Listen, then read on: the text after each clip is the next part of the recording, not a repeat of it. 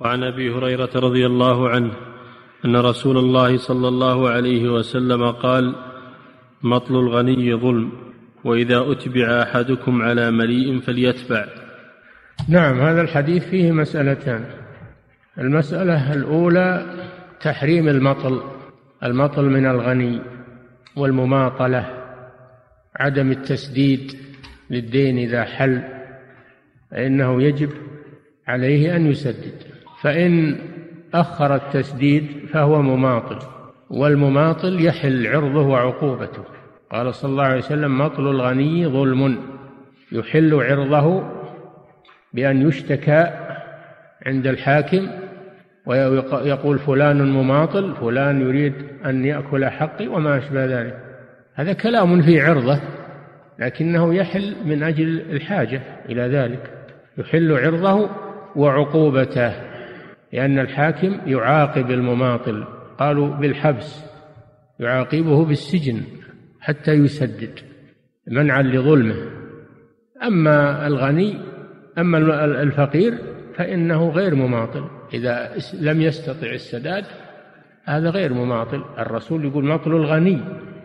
أما غير الغني وهو الفقير اللي ما يستطيع السداد فهذا تأخيره التسديد لا يسمى مماطلة.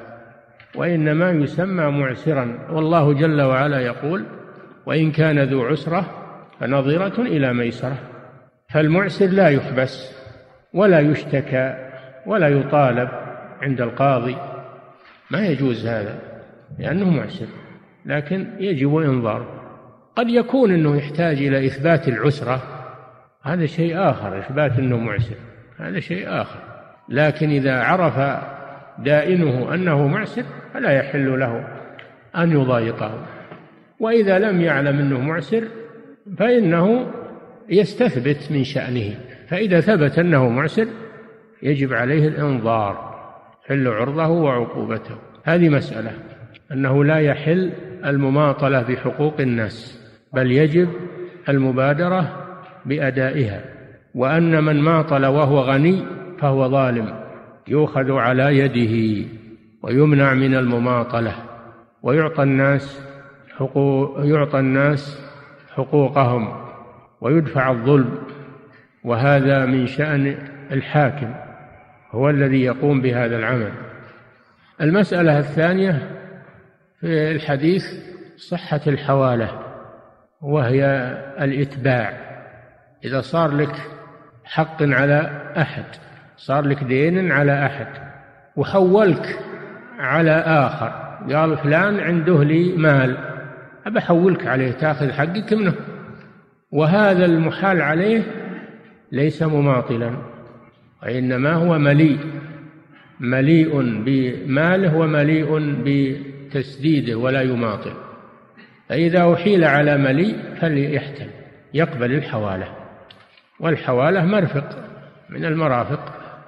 النافعة فهذا فيه مشروعية الحوالة وأن المحال عليه إذا كان مليئا بماله ومليئا بقوله فلا يماطل فليس للمحال عذر في القبول لأنه لا ضرر عليه في ذلك.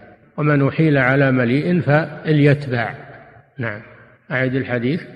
وعن أبي هريرة رضي الله عنه أن رسول الله صلى الله عليه وسلم قال مطل الغني ظلم وإذا أتبع أحدكم على مليء فليتبع.